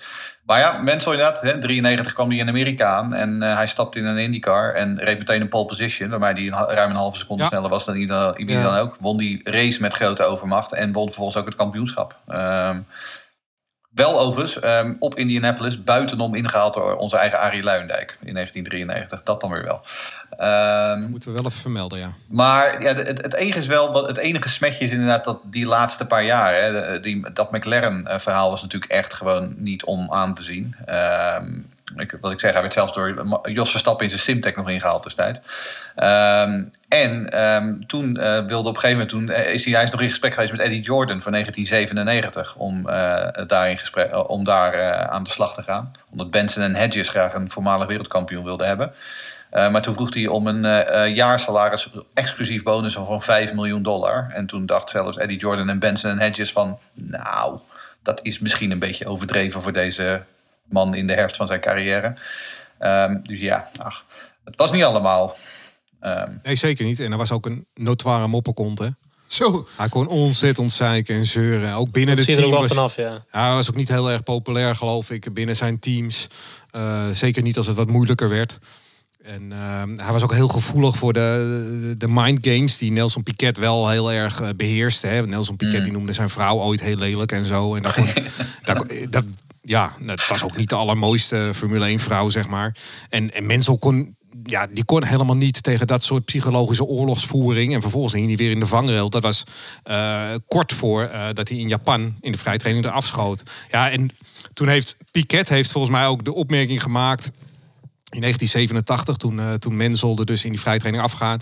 Toen zei eh, Piquet ook, dit is this is a win. Want hij werd dus wereldkampioen. A win of intelligence over stupidity. En ja, dat komt natuurlijk bij Menzel natuurlijk wel weer heel erg aan. Maar er zat wel wat in, moet ik eerlijk toegeven. Ik vond Piquet een lul, maar hij had wel een beetje gelijk daarin. Nou, en ik bedoel, Piquet werd ook gewoon, Piquet werd ook gewoon drie keer wereldkampioen. Hè? Ik bedoel, dat doe je ook niet per toeval. Ehm, Ja, maar die wordt maar weer 24 zegens of 23 of zo. Ja, Dus het- maar ik een bedoel, eh, een andere benadering en een andere, meer berekenend wat je zegt inderdaad. Eh, maar wel Zeker. gewoon ook op zijn manier gewoon goed. Charles heeft een mooie foto hier. eh Senna op, op, op een eh, bankje met Adelaide Prost, 86 is dat. Menzel en Piquet. Ja, dat is Adelaide 86, ja. Bekende foto Was, inderdaad. was, Echt tof is dat. was Menzel een beetje ehm, ja, het, het buitenbeentje van die groep? Senna, Prost, Nou, die- Piquet. ze, ze, ze waren allemaal niet zo heel erg bevriend met elkaar. Hè. Ik vind het wel een hele mooie foto. Piquet echt. en Senna waren geen vrienden. Eh Piquet en, en Menzel waren geen Nee, vrienden. Senna qua waren geen vrienden. Ik bedoel, qua ehm, timing, kampioenschap. Had hij niet die drie andere...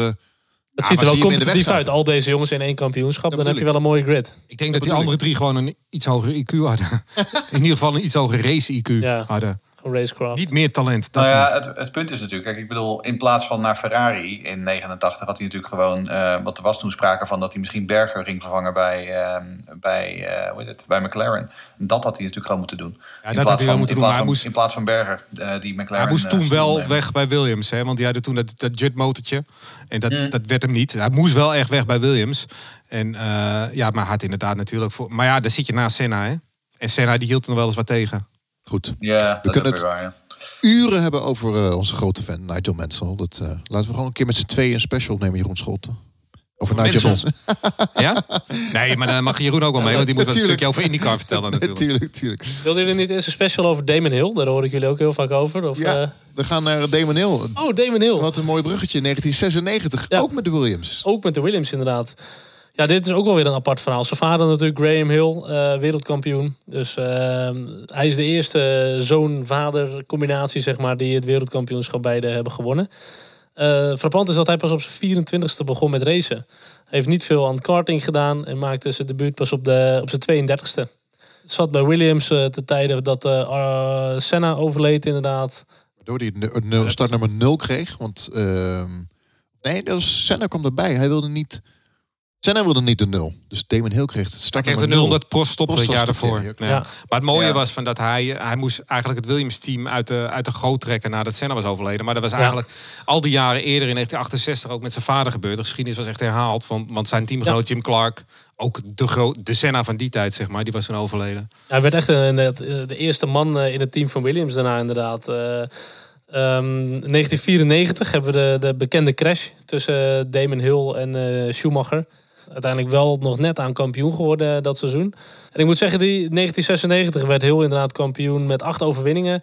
Ehm, in de laatste race inderdaad eh, had hij afgerekend met zijn teamgenoot Jacques Villeneuve. Die dat seizoen eh, debuteerde in de Formule 1. En dat, dat deed hij echt super netjes. Ehm, Afge- afgerekend. Hij reed de grindbak in Japan, toch? Villeneuve. Eh, ja, ja, hij reed Ja. een ginbak in in eh, Japan, volgens mij. Ja, eh, omdat hij een lekke achterband had, ja. Maar we gaan het zo nog over Jacques Ja. Villeneuve hebben. Oh, nu op... Dan moet ik zeggen dat die Williams ook wel echt extreem dominant was dat seizoen. Die hadden aan het einde van het seizoen ze 175 punten ten opzichte van eh 70 punten van Ferrari. Dus ja, dan gaat het al heel snel tussen de, de jongens van Williams zelf natuurlijk. Damon was dat jaar ook wel beter dan Villeneuve nog, hoor. Ja, maar goed, als een rookie deed, deed Jacques nou, dat eh, zeker niet ik- slecht natuurlijk. Vind ik nog, daar vind ik nog wel wat van. Maar goed. Ja, Villeneuve Ah, had Pol de eerste race. zegens tegen vier. Want ik moet zeggen, die bolide waar ze toen in reden, vond ik wel echt fantastisch mooi. De, de FW18. Ik vond het wel ook wel Ja, echt een kenmerkende Ja, met die, met die. Rothmans livery. Eh, super vet. Maar goed, eh, na zijn kampioenschap eh, is hij, of eigenlijk nog tijdens het seizoen, is hij al, eh, heeft hij al te horen gekregen dat hij niet zijn carrière mocht vervolgen bij Williams. Toen is hij inderdaad, eh, heeft hij de overstap gemaakt naar Arrows. Ja, vanaf toen ging het toch wel een beetje downhill. Nou, da- dat is een heel mooie woordspeling. Maar hij won nog wel op Spa. Hè? De eerste zege voor Jordan ooit. Ja, dat was die In- in mega, Regen. ja, dat, Ja. dat was die mega crash in de eerste ronde op Spa inderdaad. Ja. Moet je maar eens opzoeken op Ja. YouTube als je dat niet kent. Dat was echt een total mayhem. Ja, eh, en, Spa. en het uh, Coulthard Schumacher incidentje. Ja. Incidentje. Ja. Een klein Incidentje. incidentje. Ja, viel niet echt op. Ik weet ook niet of de beelden van En zijn. het Fisichella Nakano-incidentje. Wat... Ook nog, ja, dan komt hij weer met Fisichella. Hij kan altijd Fisichella in een podcast. Let ook bij die startcrash heel erg goed op, op eh, Ricardo Rosset. Want die heeft daarin een stralende rol namelijk. Want iedereen gaat namelijk Ja. op zijn remmen in die crash. Behalve Ricardo Rosset. Die rijdt gewoon Vol de Esteban. Tuero naar binnen. Ja. Maar het vervelende voor Damon Hill was eigenlijk dat, dat Patrick Head en Frank Williams hebben nooit vertrouwen in hem gehad. Die zijn nooit. eh, hij was een hele goede testrijder, zo is hij ook binnengekomen. En hij heeft ook, ze geven hem wel credits voor het feit dat hij heel veel meegeholpen heeft aan de, de, de auto van Menzel bijvoorbeeld in 92 en Prost in 93. En hij heeft ook in 1993 een heel goed eh, debuutjaar, nou dat was zijn tweede jaar, maar debuutjaar voor Williams gereden dan. Met een paar zegens op rij. Hij liet ook af en toe zien sneller te zijn dan Prost. Wat op zich natuurlijk Ja. best wel goed is. Want Prost was natuurlijk wel een mannetje. Maar hij heeft nooit, ze hebben nooit een kopman in hem gezien. En het verhaal gaat ook dat hij al... eh, even kijken, eh, Frenzen Eind ging in eind 97. 95, eind 95. Ja, oktober 95 zou, zou Heinz Albert Frenzen al vast zijn gelegd. En Ja. ja. ja, toen hij toen wereldkampioen werd, een jaar later natuurlijk heel, was dat wel een beetje ja, enigszins eh gênant misschien voor Williams dat ze hem zo wegsturen. Maar goed, dat hadden ze eerder ook al gedaan met Menzel en al dat soort dingen. Want jij haalt heel terecht aan van nou, er staan wel heel veel Williams enkelvoudige kampioenen in. Ja, maar die werden ook iedere keer weggestuurd nadat ze wereldkampioen werden. Ja. Dus ja, dan houdt het wel een keer op natuurlijk. ja, aan de ene kant, als je ook in zijn boek leest over, over, over, over Damon Hill, wat trouwens een heel apart boek is, want hij is een van de weinige sporters die het boek helemaal zelf heeft geschreven, hè? geen co-writer en zo. Dus, eh, maar dan, dan zie je ook dat hij ja, met Patrick Head en Frank Williams had hij echt een haat-liefde verhouding. Hij, hij is dankbaar voor de kans die hij heeft gehad, maar hij kon eigenlijk niet heel goed met die topsportmentaliteit, die, dat, dat keiharde wat Frank Williams had, daar kon hij niet zo goed mee omgaan. Dat, dat boek heeft ook een hele therapeutische waarde gehad. Hè? Want hij zat eh, destijds toen hij Ja. begon te schrijven in een, Ja. in een depressie. Ehm, Ja, en hij heeft klopt. dat boek eh, eigenlijk gebruikt om dat allemaal van zich af te schrijven. Ja, zichzelf gaan uit een depressie te halen gewoon. Ja, best, best wel een tragisch verhaal wat dat betreft Damon Hill. Ik, bedoel, ik, had, ik heb nooit heel veel warme gevoelens voor hem gehad. Ik heb ook altijd gevonden dat hij vooral nou, een beetje geluk had dat hij bij Williams zat in die periode. Eh, ja, wel, wel best wel een tragisch verhaal. Natuurlijk ook misschien wel die druk van die Hill-familie. hè, En, en, en de, de erfenis van zijn vader op zijn, op zijn schouders had. In 95, hè, uit het, uit het heel zwaar, eh, vooral mentaal in zijn hoofd in 1995. Met die, met die twee rare akkefietjes op Silverstone en op Monza. Met, eh, met Schumacher, waar die eigenlijk twee keer gewoon zelf de fout in, in, in ging. Ik vond dat niet destijds, want ik was een heel fan. Monza kon hij niet Dus ik vond dat Schumacher te snel instuurde. maar als je naar, objectief naar de beelden kijkt, dan zie je dat net even anders, denk ik. Ik zou een hele slechte var zijn, denk ik. Maar eh, hij, is, hij, is, hij was mentaal niet de sterkste.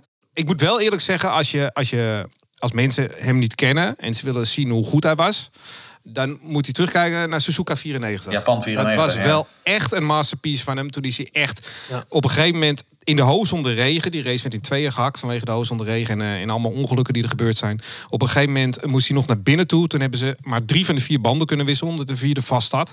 Met die slechte achterband moest hij de race uitrijden. En hij versloeg Michael Schumacher. Toch hè? De regenmeister. Regenmeister. de regenmeister. En ehm, nee, dat, dat was echt het hoogtepunt van Hill. En hij hield daarmee de WK-strijd heel spannend. Hongarije, Arrows, vond ik ook mooi. Ja, en in alle eerlijkheid had hij in 94 gewoon die titel moeten hebben eigenlijk. Want wat Schumacher deed, dat kan eigenlijk niet. Eens? Ja, ja, maar aan de andere kant, ik bedoel, Japan 94 werd twee jaar later wel even rechtgezet door Schumacher in Spanje. Ehm, laten we dat ook niet vergeten. Nee, zeker, zeker. Maar ik wil ook absoluut heel niet neerzetten als een van de beste coureurs, want dat was hij Nee. niet. Maar eh, het was ook weer geen totale eh Nee. mafkees. Nee, Hij, hij kon gewoon goed sturen. Hij, hij verdient één wereldtitel, denk ik. Hij heeft Ja. volgens mij, uit mijn hoofd zeg ik, 22 zegens gehad. Nou, ja, dat Ja. is, dat is, dat is, ja. dan ben je ook gewoon... Je kan wel een goede auto hebben, maar je moet het ook wel even doen. En naast Prost heeft hij ook in 93 een heel goed jaar gereden. Absoluut. Hij is ook nog wel een zeer gerespecteerde coureur in de paddock. En hij is inderdaad Leuke vent bij is het. Het is gewoon een leuke. Sports zit hij volgens mij nog. Met Johnny Herbert. ja. Ehm, ik vind het altijd een hele spontane man Ja. om te zien en te horen. En in 1999 wilde hij ermee stoppen, halverwege. En toen dacht Eddie Jordan, nou, dan geven we Jos Verstappen de kans om eh, te laten zien wat hij kan.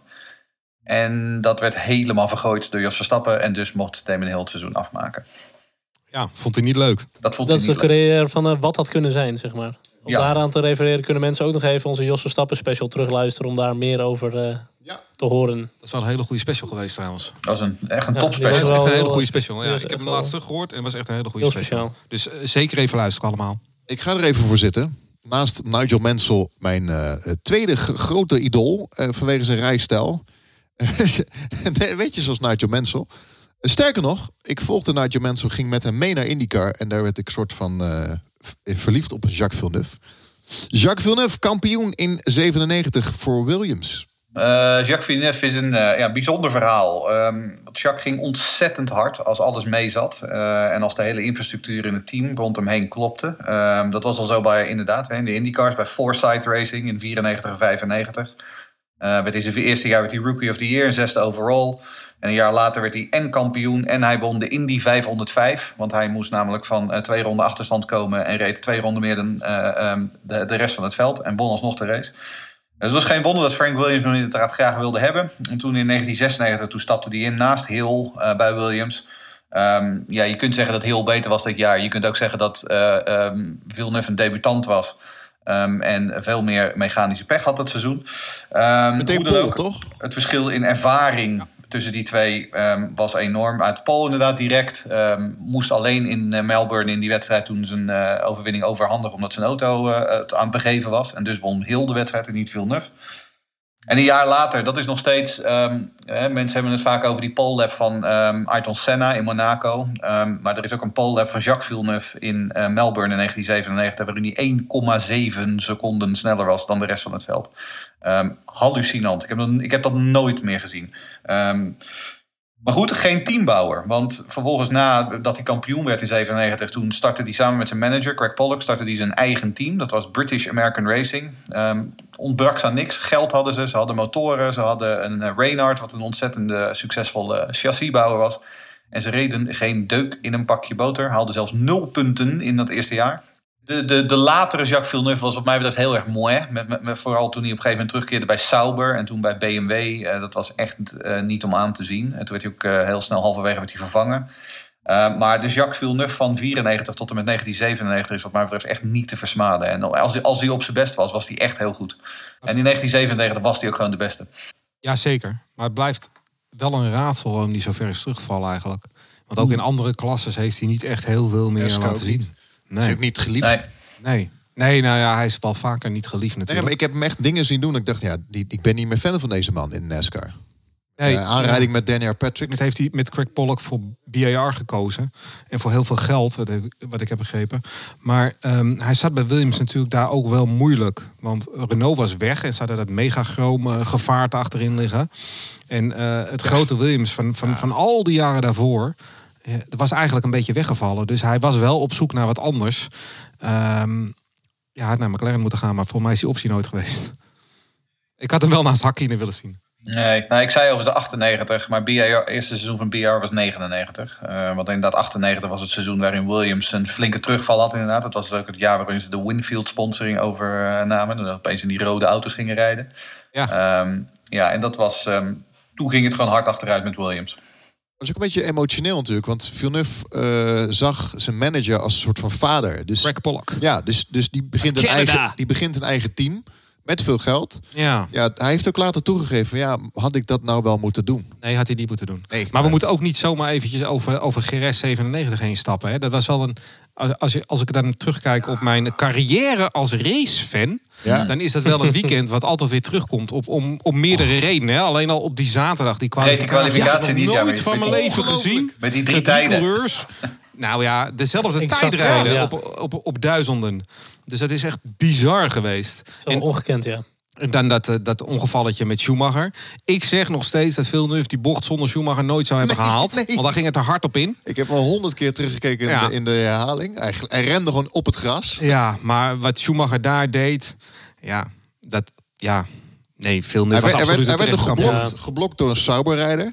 Ja. Die had met een Ferrari motor achterin. En, en natuurlijk voor de mensen die te jong zijn, als ze allebei uit waren gevallen, dan, dan was Schumacher met één puntje voorsprong wereldkampioen geworden. Ja. Ja, ik, mijn eerste herinneringen eigenlijk van Villeneuve zijn inderdaad vanaf 1999, een beetje, misschien eind 98. Ik vond het toen al nooit een leuke coureur, maar Nee. dat nou? kampioenschapsjaar, dat, dat heb ik eigenlijk nooit echt meegekregen. En toen dacht ik, waarom zetten ze die man eh, in die auto en krijgt hij er ook nog eens zoveel geld voor? Ik vond dat helemaal niks. Maar die BR was ook niet vooruit te branden natuurlijk, maar Maar het was ook, ook weer iemand, hè, als we daar hebben over mensen als James Hunt en zo. Eh, een beetje veel- te veel afleiding naast de baan ook, Jacques Villeneuve in die jaren. Eh, ja, destijds was die, eh, zijn vriendin was Nathalie Imbruglia. Ehm, die ken, wie kent er niet? Een schone Australische die ook nog iets met, met acteren en met zingen deed. En hij liep vanaf dat jaar opeens in veel te grote overals rond. En hij verfde zijn haar roze en groen en geel. En Ehm, hij past ook, past ook absoluut niet meer bij Williams wat dat betreft. Ehm, eh, dat, dat, beetje dat, dat sta, stelen eh, Williams, zeg maar, daar past hij helemaal niet meer bij. Dus ja, een beetje je eigen team beginnen, samen, helemaal vanaf nul, samen met je manager en je engineer. Want Jock, Jock Clear ging natuurlijk met hem mee. Ehm, ja, dat was wel heel erg des Villeneuve's in die periode. Maar ja, inderdaad, achteraf bezien kun je je afvragen of dat echt een goede zaak was geweest. Want hij heeft hier gewoon drie, vier, vijf jaar van zijn carrière mee weggegooid. Hij heeft wel een heel mooi leven doorgehad, denk ik. Want hij leeft er nog steeds van. Ja, ja, Hij Ja. is, hij is ook, eh, volgens mij heeft hij ook, eh, woont hij in Europa tegenwoordig. ah, hij heeft zelfs nog eh, een jaartje Formule E gedaan, ook nog. Nee, niet een jaartje, toch? Een paar races. Hij reed drie races Formule, Formula E voor Venturi. Ja, maar dat is dus sowieso, hè? Als wereldkampioen Formule 1 afglijden naar de Formule E. Ja, bizar Nee, dat hè? kan niet. En dat, het was, eigenlijk Dat was echt niet. traag. Want hij zou een heel seizoen gaan rijden. Maar volgens mij na een aantal races toen was het ook gewoon klaar. Want die man die kon het ook niet bijbenen. En ik ben hem toen ooit, heb ik nog met hem in... eh, hij deed ook al wat van die aparte uitspraken over Max Verstappen. Dat hij nog te jong was, dat hij naar de Formule 1 kwam, eh, weet ik het wat. Volgens mij heb ik hem in 2015 of 2016 zat ik met hem in eh, hetzelfde busje richting de paddock. En toen dacht ik, nou laat ik hem er gewoon eens naar gaan vragen, weet je wel. Van, joh, wat is dat, weet je wel. Maar dan is hij toch een stuk milder hoor. Dat is toch, in de media wordt het ook wel helemaal uiteengetrokken. Maar hij heeft wel een hoop rare uitspraken nog steeds hoor. Ja, maar hij zal het bespelen. Ja, gewoon de media vindt het bespelen. ook leuk om in de media te komen, denk ik. En, Even, eh, even toch, even, eh, Jeroen Demmenaar zegt net, hij rijdt voor de Europese NASCAR. Dat is volgens mij dit jaar in Zolder. En dat Ja. is de plek waar zijn vader is overleden. Dat wordt denk Klopt, ik wel een emotioneel eh, ritje voor hem. ja. Ja, dat zou best kunnen. Treurig. Race Reporter, de Formule 1 podcast. Racereporter.nl We gaan eh, snel door naar de volgende kampioen. Niet voor Williams. Eh, de laatste kampioen voor Ferrari 2007. Kimi Räikkönen. Ja. Ja, dat is ook weer zo'n man, hè. Als je dan nu jong bent en je kijkt eh, sinds Max Verstappen naar de Formule 1... dan denk je, ja, Kimi Räikkönen... ik heb wel eens gehoord dat hij in het verleden wereldkampioen werd... maar het stelt niet zoveel voor allemaal. Maar ik moet eerlijk zeggen dat toen hij debuteerde... toen was hij eigenlijk een beetje de Max Verstappen van nu. Hij Ja, had absoluut. heel weinig eh, ervaring in de autosport. Volgens mij maar één seizoen. Volgens mij nog minder races als dat Max uiteindelijk had gereden. Was hij ook niet vanuit de Formule 3 of Formule Renault of zoiets? Ja, zoiets. Ja. Eén seizoen Formule Renault, dat is wat hij had. Hij- maar hij kwam de Formule 1 in en, en er was heel veel ophef over. Want hij zou te jong zijn geweest en te Ook weinig ervaring. En al Peter Sauber, die herkende ook dat talent wel vaak hoor. Die had echt wel ja, wat mooie nou, die had er een goed oog voor inderdaad. Maar hij- Ja. welke manager had hij toen al? Makine? Of?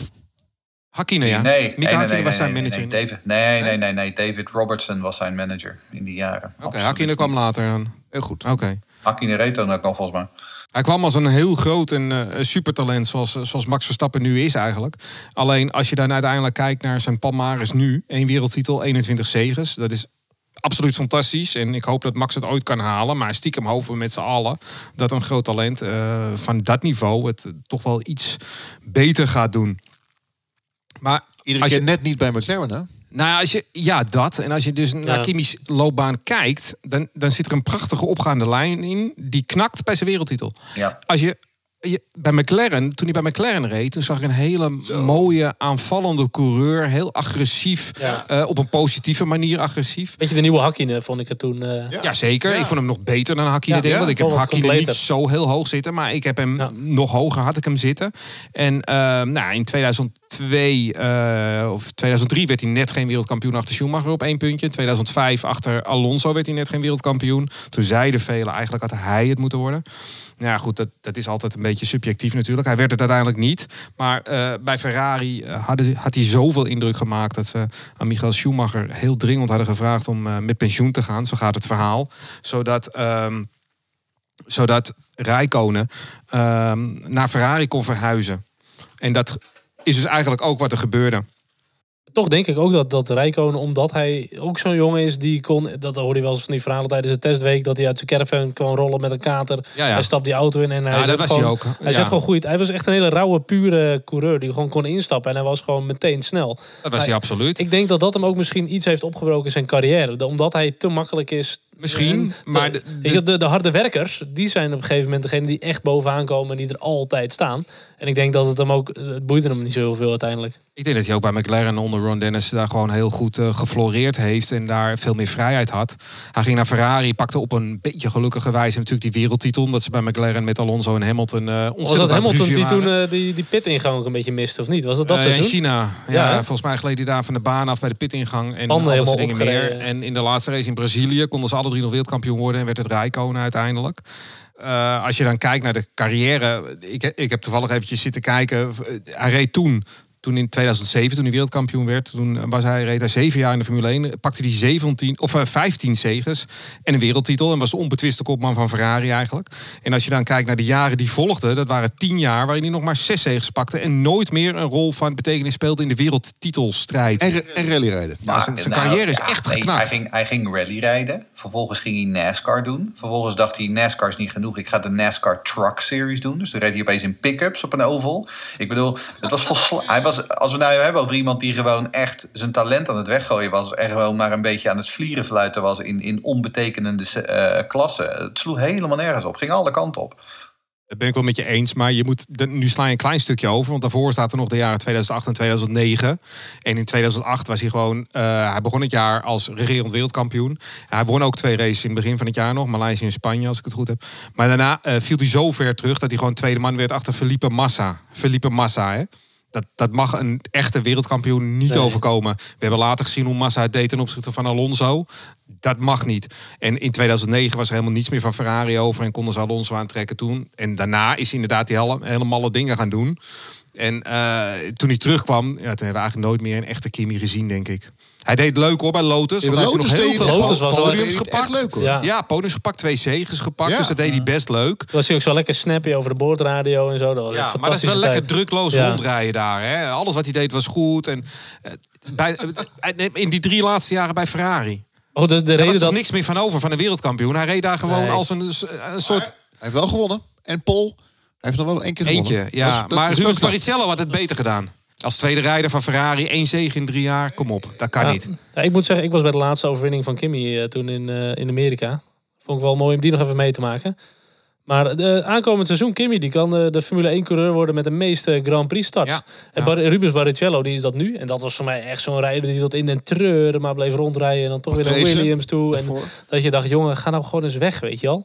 Ehm, nou, dat heeft hij uiteindelijk gedaan. Maar goed, Kimmy die gaat dat gewoon, eh gewoon ownen, dat record. Ja, absoluut. Dat gaat hij zeker pakken. Ja, als, eh, nog- nog 13 races volgens mij en dan is hij er. Ja. Eh, we hadden net over Jacques Villeneuve en BAR. Het, eh, volgens mij het team wat daaruit voortkwam, Uiteindelijk wel. uiteindelijk wel, is eh Braun GP. Ja, het voormalig Honda-team inderdaad. En dit was echt wel een verhaal eh, met de crisis. Het Honda-team wat gewoon gigantisch slecht ging. En die uiteindelijk volgens mij in de winter besloot van... eh, we, we trekken gewoon de stekker eruit. Maar de hele auto, alles was al ontwikkeld. Ja, en toen kwam natuurlijk de mastermind Ross Braun... die ook eh, mede verantwoordelijk is voor alle successen bij Ferrari.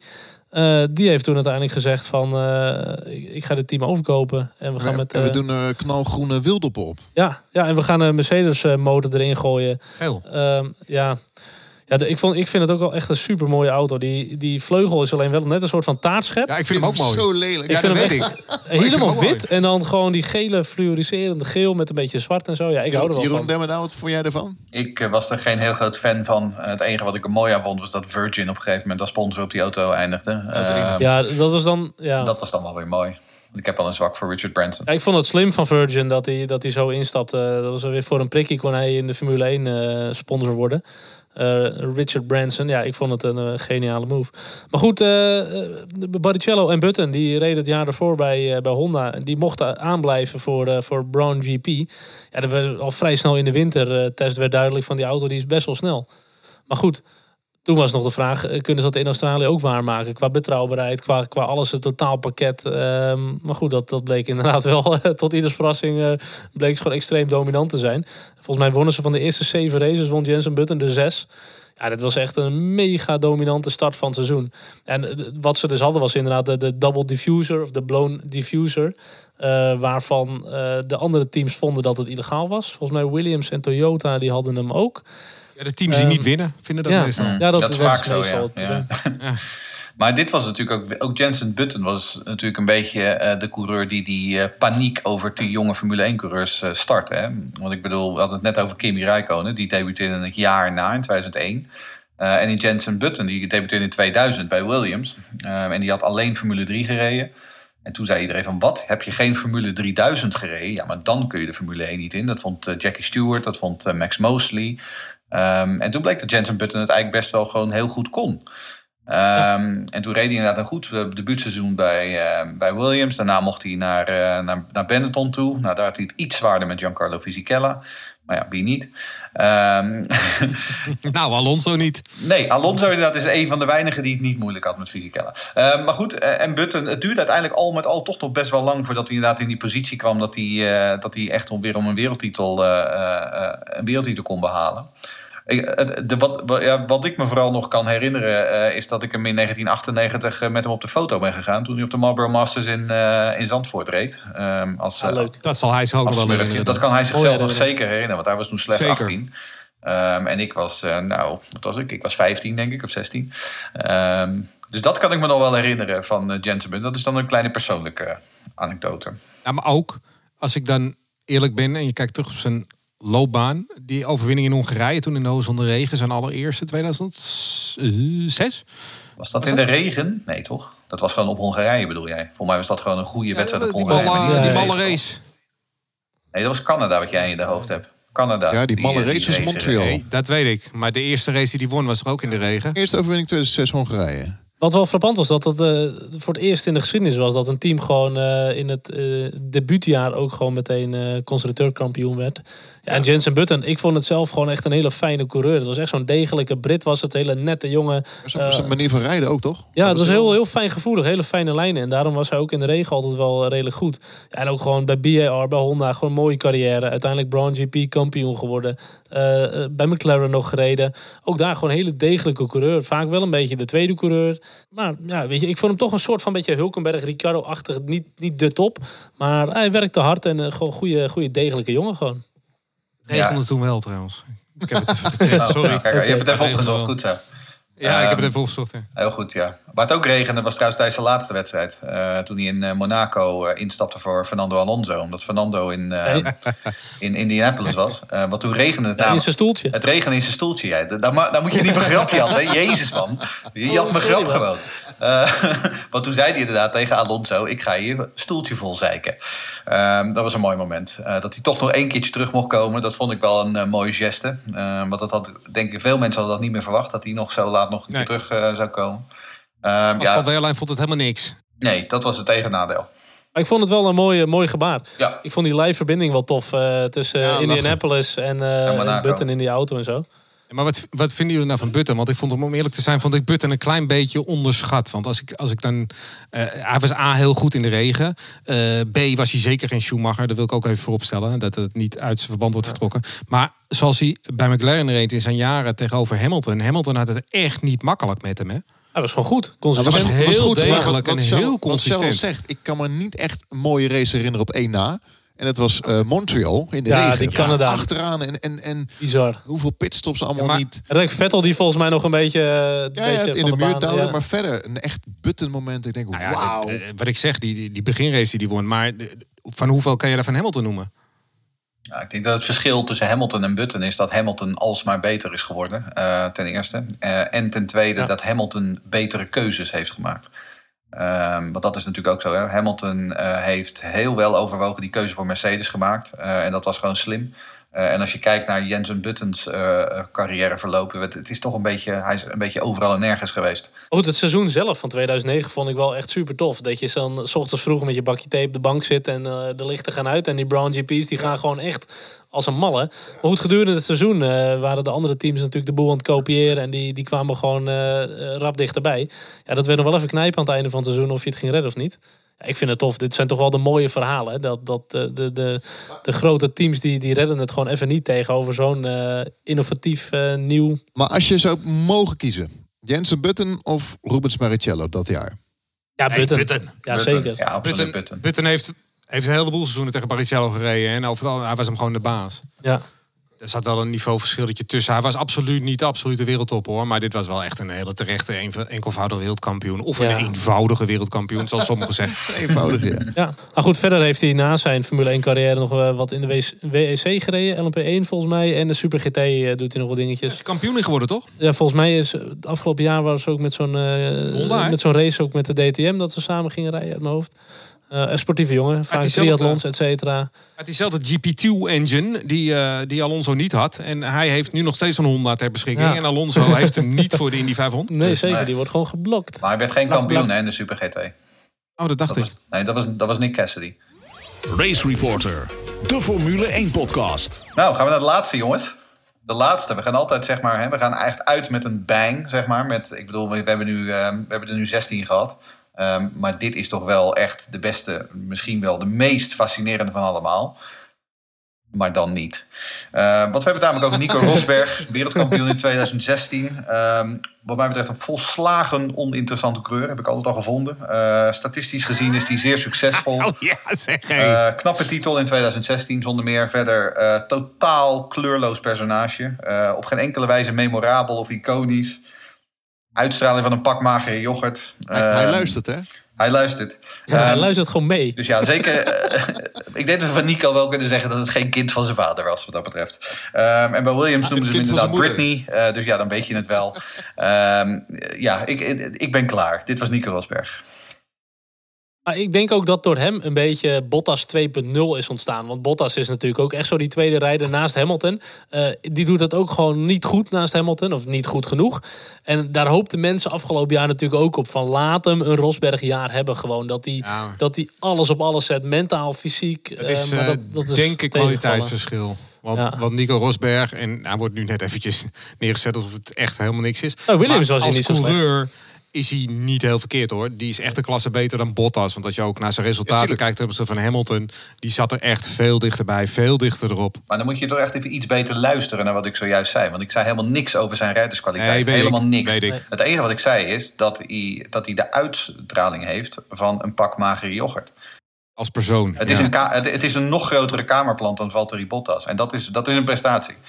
Ja. Zo wordt hij op Twitter ook een beetje benaderd. Bij alles wat hij zegt wordt er eh, continu maar... eh, Kamerplant gezegd. Nou, dat kennen ze in Engeland niet zo goed. eh, Room plan. Room plan. Nee, nee. Maar wordt wel heel vaak een beetje voor lul gezet met dat gekke Ja. fotootje altijd. Met die rookpluim achter hem of die, eh, dat vuur achter hem. Ehm, maar Nico Rosberg was gewoon een hele goede coureur. En ik vind het gewoon een terechte enkelvoudig wereldkampioen. Hij heeft 23 zegens gedaan. En iedereen zegt, ja joh, dat was in een Mercedes, in een Mercedes. Ja, maar naast wie reed hij? Ja, naast Lewis Hamilton. Hij heeft hem wel afgepakt van Lewis Hamilton. En, En ja, daar- Hamilton had dit jaar wat meer pech dan hij. Maar je moet het toch allemaal maar doen. En, met, tegen wie reed hij daarvoor? Ene Schumacher.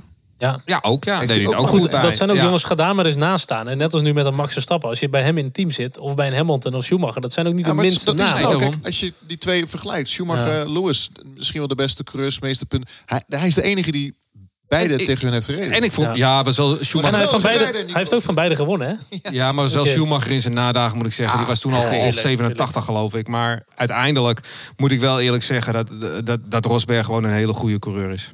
Tuurlijk was hij een hele goede coureur. Maar wat je zegt, hij won die wereldtitel in 2016 met een aantal puntjes verschil. Ehm, als je kijkt naar het, het gat tussen Hamilton en Rosberg in 14 en 15. Dat was wat mij betreft iets eh, representatiever voor het gat tussen die twee.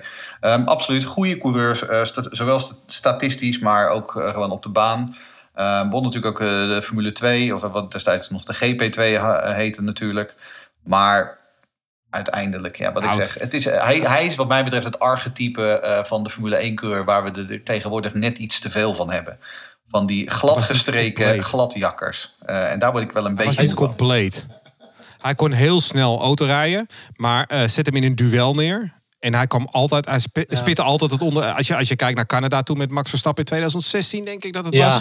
dat was Nou, dat was echt exemplarisch Ja. voor Rosberg. Een Een veel snellere auto. Ja. En Max houdt hem ronde daar ronde achter. En als hij er eindelijk langs is, dan spint hij in de ronde. D- Ja. dat, dat is Die Nico Rosberg. actie in O- eh, Oostenrijk, rechtdoor eh Lewis eraf. Rammen Ja, ergens, ook, ja. onbeschoft. Maar hij is dat jaar, eh, 2016, echt diep gegaan om kampioen te worden. En ik weet niet Ja. of ik dat van nou ooit heb verteld. Dat eh, ze zijn de laatste races zijn ze bezig geweest met zijn fysio, met zijn personal trainer, om zijn spiermassa te gaan verliezen. Want spiermassa is natuurlijk relatief zwaar. Ehm, eh, Abu Dhabi is eh, relatief eh, licht voor de spieren, zeg maar. Dus ze zijn al bezig geweest om niet meer die spieren te gaan kweken, maar om ze af te laten nemen. Zodat hij minder gewicht meenam in de auto. Omdat hij elke tiende wilde niet gebruiken om kampioen te worden. Nou, dat laat wel zien dat je heel diep gaat. Want hij wist, ik ga hierna gewoon stoppen. Ja, dat hij toen in Abu Dhabi volgens mij toen Max Verstappen in moest halen om kampioen te worden. Ah, die had voor mij een verse pamper nodig daarna. Want dat, hij trok het gewoon niet. Maar dat Nee. was ook in de aanloop naar dat jaar dat hij, eh, toen ging hij mediteren. Hij ging yoga doen. Eh, hij had zijn Facebook-account eh, afgegooid en zo. Ik bedoel, kun je meer een, een, een Formule 1-coureur van de hedendaagse generatie zijn dan dat, zeg maar. Ik bedoel, weet je... Ik bedoel, Ja. vergelijk dat eens met iemand als James Hunt of Mario Andretti of dat soort jongens. Ik bedoel Ja. gewoon...